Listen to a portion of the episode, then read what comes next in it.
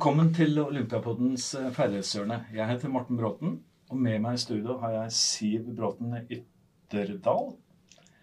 Ja, du er hva, hva gjør du i Olympiatoppen? Eh, hva er din jobb? Du, nå jobber jeg som eh, prosjektkoordinator Ja. i administrasjon. Ja. Og har jobba på Olympiatoppen i veldig mange år. Jeg har jobba Begynte som instruktør eh, og eh, felttester på test- og treningsavdelingen. Så jeg, da reiste jeg ganske masse med lag og jobba her eh, på treningsavdelingen. Og så eh, jobba jeg en lang periode som leder for test- og treningsavdelingen. Så eh, gjennom den jobben så eh, jeg jo, har jeg møtt mye utøvere og Ja. kunne ført dem fra veldig sånn eh, tidlig alder, når de kommer inn her som eh, 16-åringer, og, eh, og de avslutter karrieren sin, da. Og i dag er du jo medprogramleder. Eh, og det er jo en grunn til det. Eh, du har jo veldig mye kompetanse på Olympiatoppen som organisasjon. Du vet jo hva som har rørt seg, og hva som rører seg, Mm. og har tanker om veldig mye. Så veldig bra at du kan være med meg i dag. For dagens gjest, Tonje Hinse, Takk for det. du er leder for utdanning og karriere Mm. litt, du kan kanskje si hva avdelingen din heter. Ja. For det, det kommer frem litt ymse, syns jeg. Ja. Når jeg er ser på Ja. ja Jeg du kan jobber jo- som rådgiver for utøverne. Eh, Ja. Og jeg liker egentlig bedre begrepet helhetlig utvikling Ja. enn karriere. Eh, karriererådgiver syns jeg gir noen Kanskje noen assosiasjoner om at man skal gjøre suksess. Det er noe Ja. veldig ambisiøst som ligger i ordet karriere. Eh, men det som har med helhetlig utvikling og alt, kall det utenomsportslige eh, Alt som har med utdanning, alt som har med jobb, alt som har med de ulike overgangsfasene i en Ja. utøvers liv. Eh, og som det som, ja, det helhetlige, det er det jeg som jobber som en rådgiver eller sparringspartner eller en veileder overfor utøverne. ja. Og filosofien og Olympiatoppen er jo helhetlig utvikling av utøvere. Mm. Når du tenker på det, Siv, hva, hva i forhold til helhet Hva ligger innenfor eh, Hva er det første som slår deg? Eh, nei, helhet det som slår meg da, er jo at ehm, eh, Hva skal jeg si? At du skal på en måte ha et eh, godt liv, da. Et godt liv eh, både som utøver, men og et liv sånn utenom idretten. Eh, Mm. og jeg tenker jo på at um, et eh, idrettsliv byr jo både på oppturer og nedturer. Eh, og vi vet jo da at du klarer liksom ikke å gå gjennom en lang eh, idrettskarriere uten at du kanskje har noen perioder da du eh, er skada eller ute med sykdom i, i lengre perioder. Og det å kanskje ha et liv sånn utenom den her idrettsidentiteten din, at du har liksom litt sånn flere eh, kort på handa, da, eh, tror jeg er liksom sånn viktig. Eh, Ja. Ehm, ja. Så et godt liv dreier seg, dreier seg om å liksom ha et godt idrettsliv og et godt hverdagsliv, sånn ved sida av idretten. Litt flere ting å, å drive med, da. Når det gjelder utøvere, jeg holdt å si Hvordan får du tak i utøverne? Når kommer de til deg? Hva er, det som gjør at de kommer til deg? Um, ja, hva det er som gjør at de kommer til meg, det er jo, varierer jo veldig. Det kan være unge utøvere eh, som er ferdig på Vang eller NTG eller andre toppidrettsgymnas eller vanlig gymnas også, men mm. som har lyst til å satse videre.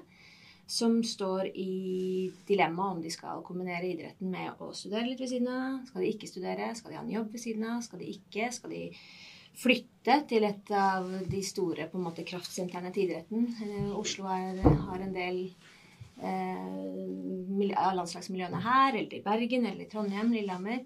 Um, så det kan være mange sånne dilemmaer som de står i etter den uh, videregående alderen, Ja. hvor de søker litt råd og sparring. Det kan være utøvere som underveis i karrieren kjenner på at de har lyst til å ha noe ved siden av, og ikke lyst. De har spørsmål knytta til økonomi. Eh, Det er jo en, ofte en betydelig faktor, en viktig faktor, og veldig ofte en, en ja, skal si, en eh, faktor som gjør at utøverne eh, på mange måter opplever utfordringer da, til det å skulle satse. Ja. Um, det, men jeg har også utøvere som nærmer seg kanskje slutten på en lang idrettskarriere. Som lurer på litt hva nå? Hvordan skal jeg legge det opp? Hva kan jeg Ja, hva skal jeg gjøre nå? Hvordan skal jeg gå fram for å planlegge eller begynne å forberede et eventuelt karriereslutt?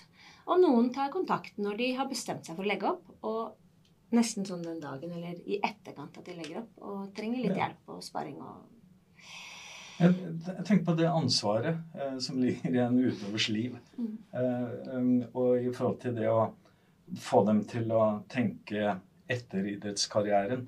Eh, hvor ligger det ansvaret? Hvem, hvem, er det som Er det trenere? Er det toppidretten, Olympiatoppen, som har det ansvaret? Er det særforbundet? Hva, hva, hvor ligger det ansvaret? Eller hos utøveren? Jeg, jeg tenker at eh, først og fremst så skal ikke et fokus for en ung eller en utøver, en toppidrettsutøver, skal ikke Fokuset skal ikke være på hva jeg skal gjøre for noe når jeg er ferdig. Altså det Fokuset skal jo være på å prestere og lykkes og få ut det idrettslige potensialet sitt. Ja. Det er jo, tenker jeg, både bør og ofte er hovedfokuset til en utøver. Men så ser jeg også erfaringsvis at det er ganske ulikt hva utøvere kanskje trenger i livet sitt for å faktisk lykkes idrettslig. Ja. Um, og det å skape en forståelse hos trenere, hos særforbund, hos oss på Olympiatoppen, hos familiene til disse utøverne, om at utøvere trenger litt ulik setup i livet. Mm. Og trenger litt annen input. Noen trenger å få lov til å være i mer eller mindre i Kall det i bobla. Eh, store deler av karrieren. Eh, noen har behov for perioder, eh, kanskje en, i etterkant av en sesong, og få lov til å bare koble helt av. Slå ut håret litt, dra på fest og gjøre litt andre ting. Noen har behov for å ta en utdannelse eller jobbe litt ved siden av. Det kan være økonomi som er styrende for at man trenger det. Men det kan også være et behov for å ha lyst til å utfordre seg mer intellektuelt eller akademisk. Mm. Og noen, så noen trenger faktisk det for å prestere idrettslig. Eh, og det å skape forståelse for at utøvere er ulike og har ulike behov eh, og har ulike liksom, ønsker for hva de skal gjøre ved siden av idretten Mm. for å faktisk bli gode. Ja. Det tror jeg liksom Og det ansvaret for å liksom skape den forståelsen, det ligger, eh, det ligger hos Særforbundet, det ligger hos oss, det ligger ute i klubbene. Det ligger generelt i hele norsk idrett, tenker jeg. da, At, man, Ja. at det er viktig å skape en forståelse for at utøvere er forskjellige. Det er et felles ansvar som ligger der. Ja. Hvis jeg kan spørre deg, Siv, du som har opplevd Olympiatoppen siden 87 eller 88, eller når det er liksom eh, Du har jo sett utøvere komme og gå. Eh, Hvordan har du opplevd det med karriere opp igjennom eh, hos utøvere? Hvordan Ja. Det er jo, jeg tenker jo det er jo litt sånn som eh, Tonje sier, at eh, behovet til utøvere er jo litt eh, ulikt. Og det er litt ulikt eh, avhengig av hvilke forbund du kommer inn i. ikke sant? Noen forbund har veldig god råd og gir deg mulighet til å kunne eh, slippe å tenke på økonomi, slippe å ha noen bekymringer i forhold til det. Mens andre forbund har på en måte ingenting. eh, Som gjør at du egentlig ikke har noe valg. Du er kanskje nødt til å måtte jobbe for å få ting til å gå rundt. Men jeg ser at eh, når du kommer inn som ung utøver, så er jo ikke fokuset ditt eh, så veldig ofte eh, hva skal jeg planlegge for nå for framtida. Jeg, eh, du har ikke veldig mye tanke på at eh, jeg kanskje får en periode i løpet av denne karrieren her eh, der jeg skal være sjuk og være ute til idretten i lengre periode. Så det, det tanka er du Jeg tror ikke du er der sånn helt i, i starten. Ja. En er på en måte litt sånn i, i nuet. Vi mm. lever her og nå, og så tar vi det som måtte dukke opp på veien. Og det, og det tenker jeg er liksom en sånn, litt sånn menneskelig karakter, da. Ja. Eh, eh, så jeg tenker jo eh, at det er viktig at vi prater om det, og jeg tror det er viktig at eh, utøvere eh, blir informert eh, både om liksom hva som er sånn realiteten i idrettskarriere, men hva også er muligheter. Mm. Men jeg er ikke helt sikker på når du er mottagelig for det. Eh, jeg vet ikke om det er liksom helt sånn i starten. Det er kanskje litt sånn litt litt- mer etter hvert. Og litt Ja. underveis. Ja. noen er mottakelig i starten, noen er mottakelig underveis, og noen er ikke mottakelig for, for budskapet, kall det, om helhetlig utvikling før de på en måte nesten står litt i det og kjenner at Ja. shit, nå Ja. har jeg kanskje bare et år eller to igjen. Hva, Ja. hva nå? Hva skal jeg gjøre da, og hvordan ser det ut? Ja, og det er jo det som vi på en måte har eh, det er, det er på en måte sånn har erfart og observert, og, og som utøvere sier, da, eh, det er jo at eh, eh, det er tøft når disse skadeperioder kommer. Eh, det er tøft for at eh, hele måte, identiteten din er ikke så veldig knytta til dette idretts, idrettsidentiteten din. Da. Eh, så det er på en måte at du resultatet uteblir, at eh, at du er sjuk, at du kanskje blir litt sånn ensom fordi laget forsvinner videre. ikke sant?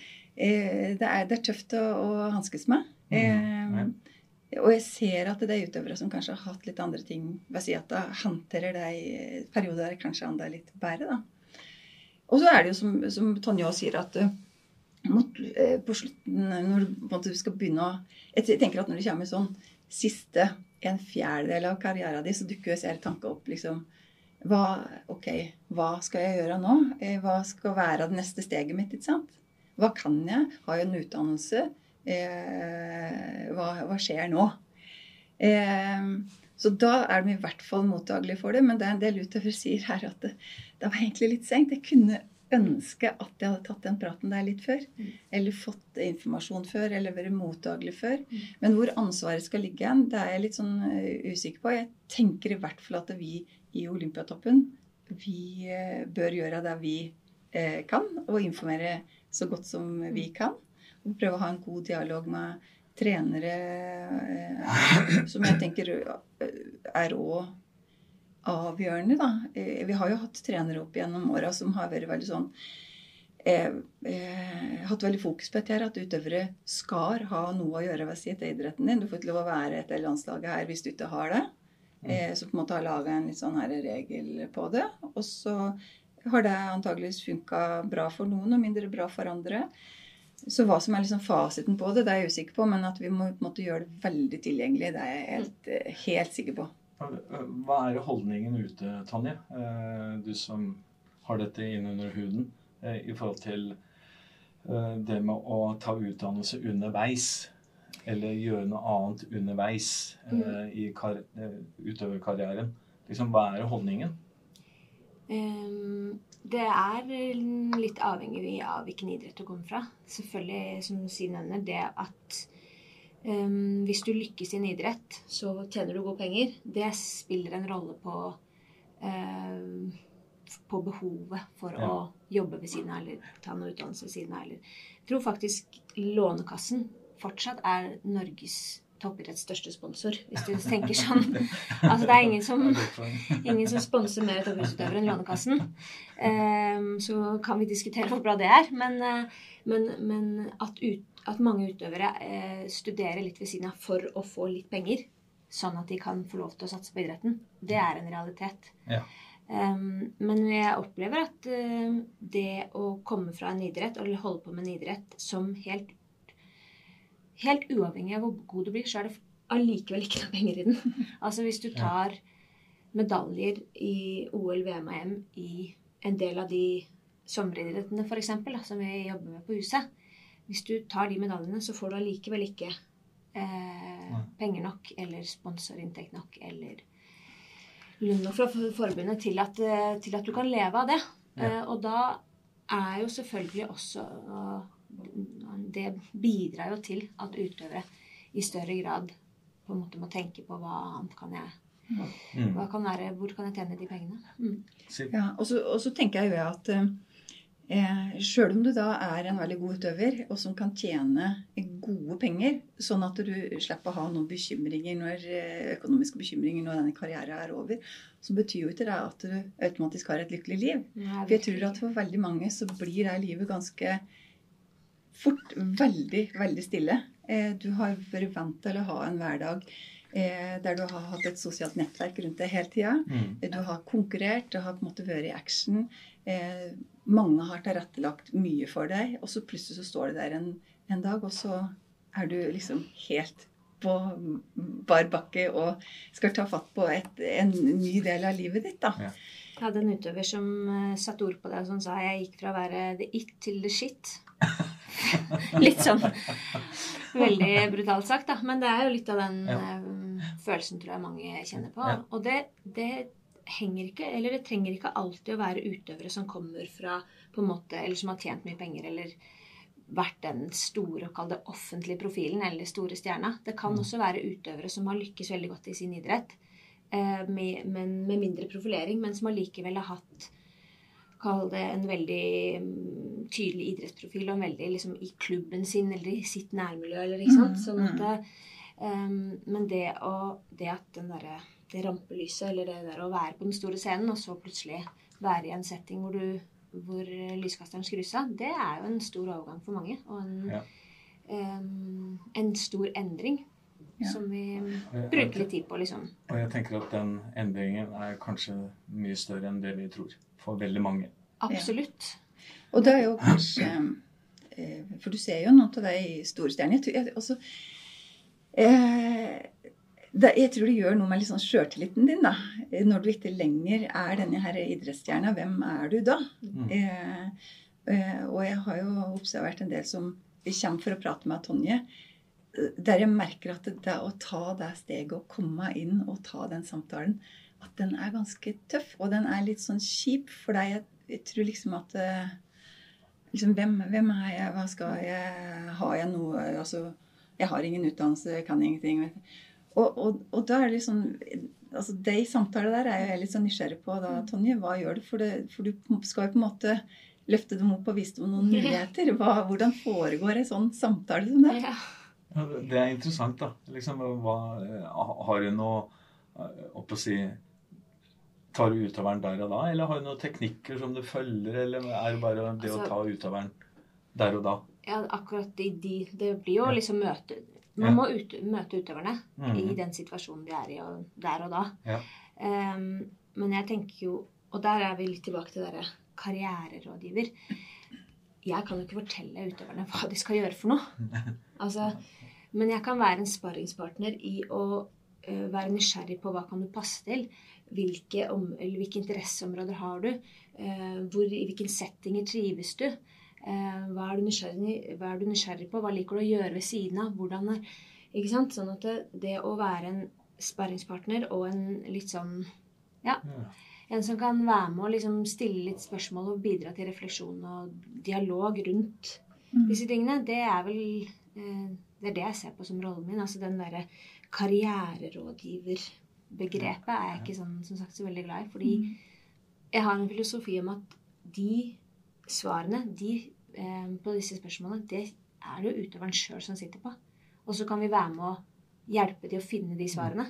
Mm. Men, men eh, den derre rådgiverfunksjonen får vel eh, en litt tydeligere på en måte rolle når utøvere kommer med helt konkrete liksom, spørsmål. Altså jeg ønsker å bli fysioterapeut. Det er det Mm. som jeg har veldig, det har jeg veldig lyst til.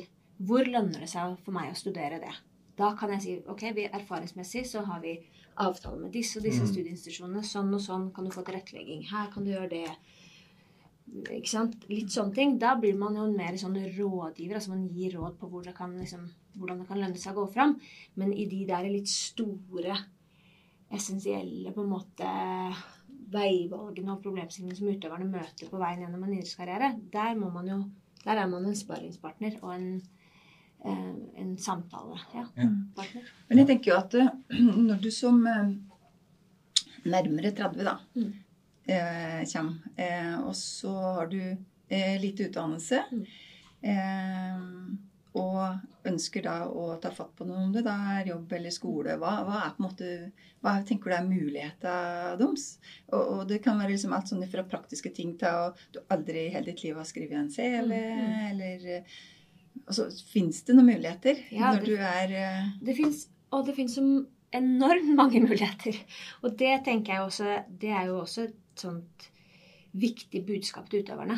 Eh, at det å være noen og 30 år og ikke, ikke, ha, altså, ikke ha, en høyere utdanning eh, Jeg sjekket rett før jeg skulle inn her nå, bare eh, andelen av den norske befolkningen som har tatt høyere utdanning, er ikke mer enn 36 Og da snakker vi Ikke sant? Sånn at Mm. mange Det er en sånn øh, øh, Jeg tror det er litt sånn mismatch mellom hva folk tror, og Mm. hva, hva realiteten er. Veldig mange øh, voksne mennesker i Norge i dag eh, gjør helt andre ting enn å ta høyere utdanning. Og de, de begynner å jobbe, eller de, også det fins masse muligheter innenfor ulike mer praktiske utdanning, kaller det. Mer fagskoleretta. Um, så det at jeg tror det er det å vise utøverne at det fins masse muligheter utover det å liksom starte på en bachelor og ta en master også. Mm. Ikke sant? Og vi har jo etablert dette neste steg, et sånt prosjekt eh, sammen med Forsvaret, som er eh, Kall det et karriereovergangsprogram. Eller det er rett og slett et, en, eh, et prosjekt hvor vi jobber med utøvere i kall det siste halvdel eller siste ett til fire årene av karrieren. Og også med de som, har på en måte, som er tilsvarende fra Forsvaret, altså topputøverne i Forsvaret. De som har vært spesialister og vært soldater. Og har sitt virke og har vært kanskje soldater i 10-15-20 år. Eh, eller 20 år, det var kanskje litt mye, men sånn 10-15 år. De, veldig mange av de er på sånne kontrakter som varer til og med 35 år, altså T35-kontrakter. Eh, og når de skal gi seg eh, i Forsvaret, og kanskje finne en jobb i det sivile, så ser vi at, veldig, at de møter på veldig mange av de samme utfordringene som utøverne. Så det å Og det neste steg-prosjektet handler om å identifisere hvilke egenskaper, hvilke ferdigheter, hvilke kompetanse er det du har med deg fra der hvor du har vært, som kan nyttiggjøre seg i en jobb i, i noe annet. Mm. Så snakker vi mye med, om det med identitet. Altså hvem har jeg vært, og hvem er jeg nå? Og, hvordan, og det å eh, skape en forståelse for at det tar tid. Ikke sant? Det skiftet der tar ganske mye tid. Um, men det å gi trygghet på at det fins masse muligheter for utøverne og soldatene i det sivile, selv om ikke du har en uh, formell Mm. bachelor eller master, det er utrolig viktig. Og det du sier der eh, For lytterne så tror jeg det er sånn bero, beroligende å høre det. Mm.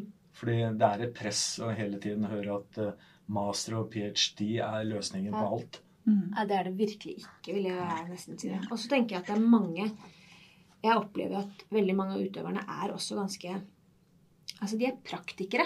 Mm. Eh, det er ikke alle de som er skrudd sammen sånn at de passer helt inn i den der veldig akademiske eh, løypa. Mm. Så det å og Hvis det er noe som eh, Vi har jo en del næringslivspartnere inn, eh, som partner inn i neste steg. Og det de sier, det er jo det de er på jakt etter i kallet morgendagens arbeidstakere. Det er jo de som er em, De som er klarer å sette seg mål. De som er eh, ikke sant, pålitelige. Løsningsorienterte. Løsningsorienterte. Kan eh, håndtere stress. Kan være endringsvilje. Det å ha ikke sant? De som er gode på samarbeid, de som er gode i kommunikasjon. Altså, de, ser- som de sier, opplæring vil du bli gitt. Mm. Altså, det, er ikke, det er ikke liksom de Selvfølgelig, det er noen liksom Skal du gå inn og jobbe i en regnskapsavdeling, så er det greit å ikke være helt uh, analfabetisk i forhold til tall, men liksom Men, men det opplæring i veldig mange jobber vil bli gitt, sånn at det, Fag kan du lære. men Fag kan du lære, men egnethet og, og de erfaringene og de ferdighetene som du sitter på i kraft av å ha vært i toppidretten i mange år, eller i kraft av å ha vært spesialsoldat mm. i mange år, den kan du ikke lære Eller det det er de egenskapene som, som arbeidsgivere er på jakt etter. Mm. Ja. Men jeg hørte eh, som et sånn, sånn tips da, til, til utøvere som er liksom midt i karrieren, så hørte jeg en utøver som uttalte seg om at eh, du må på en måte være litt smart og investere litt på veien. Eh, både i de bekjentskapene du har. Liksom skaffe deg kontakter. Vær positiv. Vær på tilbudssida. Eh, tenk at dette her, er de, de folka du møter på din vei, nå er kanskje folk du møter at eh, Mm. senere i livet, om det er sponsorer, samarbeidspartnere, hva som helst. Eh, skap, skap gode relasjoner Mm. som du da kanskje kunne Mm. dra nytte av eh, er lenger ute i løypa. Mm. Det er et sånt Jeg pleier um, å ha type presentasjon, eller litt sånn møte med landslagene. Um, og da er det et poeng. Altså de, de kontaktene som du møter gjennom sponsorer, eller som du møter gjennom arrange, eller liksom arrangementer i, i, uh, gjennom idrettslivet, de møter du igjen Ja. i andre settinger. Og det å ha et litt sånn bevisst forhold til hvilket, eh, hvilket bilde har jeg lyst, lyst til å gi Ja. av meg sjøl til omverdenen, Mm. Eh, der har du eh, muligheten til du, har et, du, er jo et, du er jo i utstillingsvindu, så du har en unik mulighet som utøver til å profilere deg på en måte som gjør deg attraktiv eh, etter idrettskarrieren. Og der er det ikke så mange Der er det ikke alle utøverne da, som tenker, eller som er det bevisst. Um, ja. Jeg, jeg tenker på, på den veien eh, når det kommer til deg. Er det eh, psykologi, psykologene, er de inne i bildet? Er, må du få hjelp av de innimellom, eller hvordan er det? Hvordan jobber du tverrfaglig? Ja, jeg jobber jo tett både med, både med idrettspsykologiavdelingen og med ernæringsavdelingen, faktisk. Det, Ja. det, og med de andre fagenhetene her. Eh, og det er selvfølgelig mye psykologi knyttet inn til det arbeidet vi gjør. Men jeg er veldig tydelig på at jeg er ikke psykologutdanna. Mm. Eh, Sånn at, og hvis vi har, jeg har hatt utøvere som har strevd, kall det da, mer med, med det med identitet, eller liksom hvor det bikker over mer mot, det, mot depresjon, eller hvor Så med en Mm. gang det blir inn mot det kliniske bildet, så er jeg veldig tydelig på at da er det mer inn mot psykologi, eller at Ja. man trenger hjelp mer sånn klinisk, da. Ja.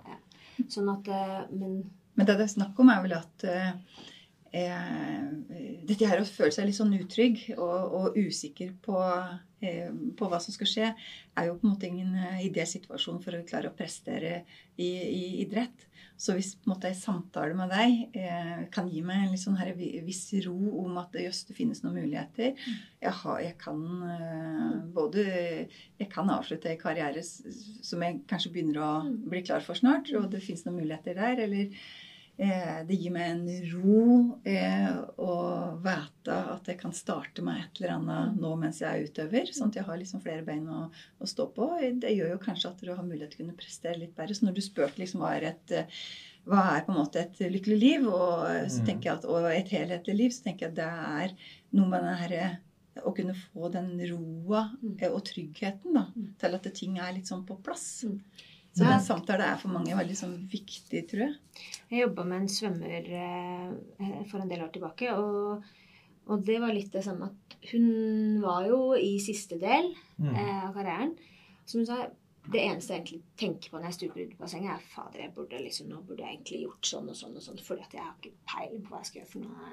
Jeg, Hun- det var i forkant av OL i London, faktisk, det er så lenge siden. Men så det å rydde litt, da, kall det det, eh, i Mm. forkant. Ok, lage en plan. Hvordan skal det se ut etterkant? Hva er mulighetene? Eh, og være med å synliggjøre de. Eh, det tror jeg kan være veldig liksom eh, Ha veldig direkte faktisk påvirkning på karrieren i de siste årene. I forhold til da å få den roen, sånn at du har At du klarer å på en måte legge det i det som er nødvendig for å prestere idrettslig.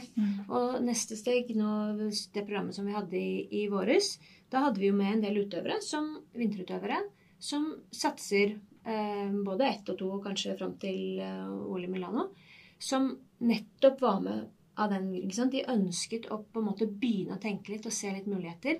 Men, og det var egentlig mer for å liksom kanskje få en ro Mm. og få en trygghet på at ok, det er helt riktig av meg å satse videre og gi jernet fram mot f.eks. OL i eh, Cortina. Ja.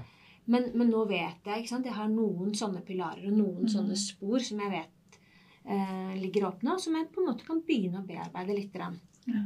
Men når du, Morten, spurte om eh, eh, hvor mye jobber du på tvers, Mm. og da tenker jeg at jo, vi jobber eh, på Olympiatopp, så jobber vi masse på tvers, og det er jo nettopp sånn at eh, den type Eller, eller eh, måte, de situasjonene her er jo ganske sånn eh, lette for fagavdelinger. altså Om det er på kraftstyrke eller om på teknikk. eh, Det er, er lette å oppdage. Vi har liksom såpass mange samtaler med utøvere og sånn. Så det er jo ofte at eh, utøvere blir anbefalt.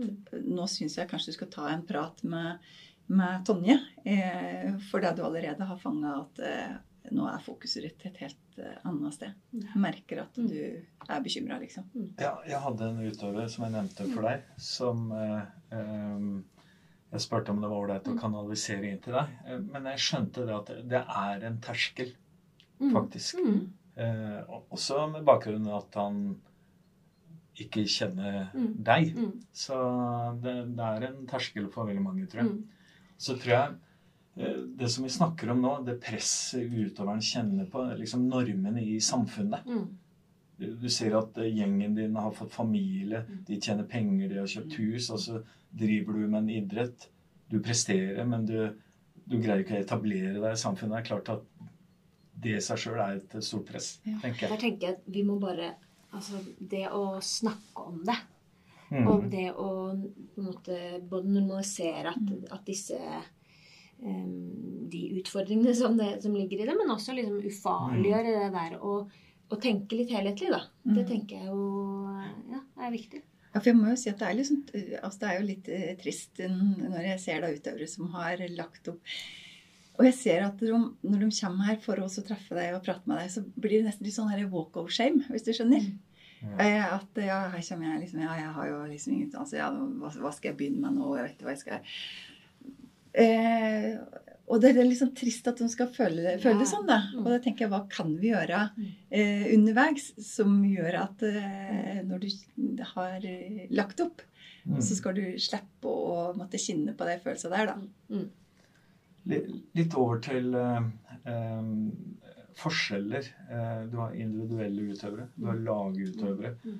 du har jenter og gutter. Mm. Liksom, ligger det noen forskjeller her? Hva opplever du?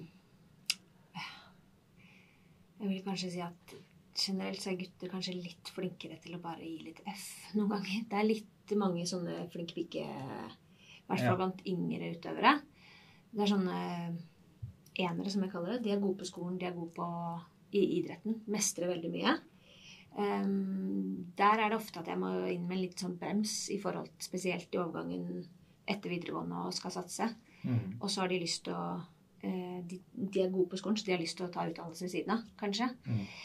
Um, og den, den overgangen med, fra junior til senior, og skulle ha, studere, ha en høy eller studiebelastning ved siden av, og skulle satse, det, det er litt sånn Der er gutta kanskje flinkere til å bare um, ja, skalere litt ned, eller liksom gi litt F i forhold til hvilke forventninger som ligger hos foreldre eller i samfunnet eller blant venner. Eller, mens litt flere jenter har litt, er ofte kanskje litt mer sånn Tar på seg litt for mye. Ja. Mm. Men det du sier da, eh, eh, implisitt nå, er jo at eh, det fins en del muligheter i forhold til studiesteder. ikke sant? At Ja, ja. Du, ja, ha- det ikke sånn at du må kjøre fullt studieprogram. Absolutt ikke sant? Så hva, hva, hva er det som gjelder der, Tonje? Nei, vi har eh, samarbeidsavtaler med veldig mange høyskoler og universiteter. Um, og det er sånne tilretteleggingsavtaler som gjør at eh, høyskolen og, og universitetet forplikter seg til å legge til rette innenfor på en måte de kravene som ligger til studiet. Så skal du bli fysioterapeut, så kan du ikke Og det er åtte obligatoriske praktiske undervisningstimer, så slipper du ikke unna med fire. Men du kan kanskje få lov istedenfor å ta én hver uke, så kanskje høyskolen sier at da kan du ta disse fire siste torsdagen i måneden, og de neste eh, etter to måneder denne torsdagen i måneden. Sånn at det kan legge til rette, sånn at det er gjennomførbart. Og det å studere på deltid? Ta, Skal du ta en fysioterapiutdannelse på tre år, så kan du få lov til å ta den på fem eller seks år. Um, det er jo alltid mesterskap i noen idretter i desember, f.eks. Håndball alltid et mesterskap i desember. da har vi en uh, avtale om at de kan få lov til å ta eksamen der de er. Eller Ja. de kan få lov til å gå opp til konteeksamen eh, som er i slutten av januar, begynnelsen av februar. Eller. Mm. Så det fins muligheter til å ta utdannelse underveis i en eh, lavere progresjonsgrad, altså at du tar deltidsstudiet. Det er også eh, Høyskolene og universitetene er plikt, ikke pliktig, men de, de innvilger ofte permisjon òg. Si f.eks. før et eh, OL så er det veldig mange som tar 100% permisjon fra studiet. Setter det helt på pause, og så tar de det opp igjen. Eh, så sånne fleksible løsninger er det mulig å få til. Og så tenker jeg også at vi skal Det har skjedd masse med digitale studier. Om, Og, og er det én ting på en måte som er positivt, som kom positivt ut av korona, for å si det sånn, da, det var jo at veldig mye mer ble tilgjengelig eh, digitalt.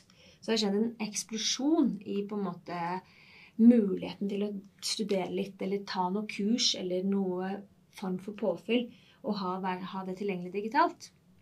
Så det, og det gjør jo at utøvere kan ta det med seg når de er på samlinger, eller når de er ute og reiser, eller. Sånn at det fins masse muligheter for å ha et eller annet eh, ved siden av. Ja. Um, Og det er, jo, det er jo sånn at dette her I perioder så er det jo ekstremt eh, Er de inne i ekstreme tøffe, tøffe treningsdager.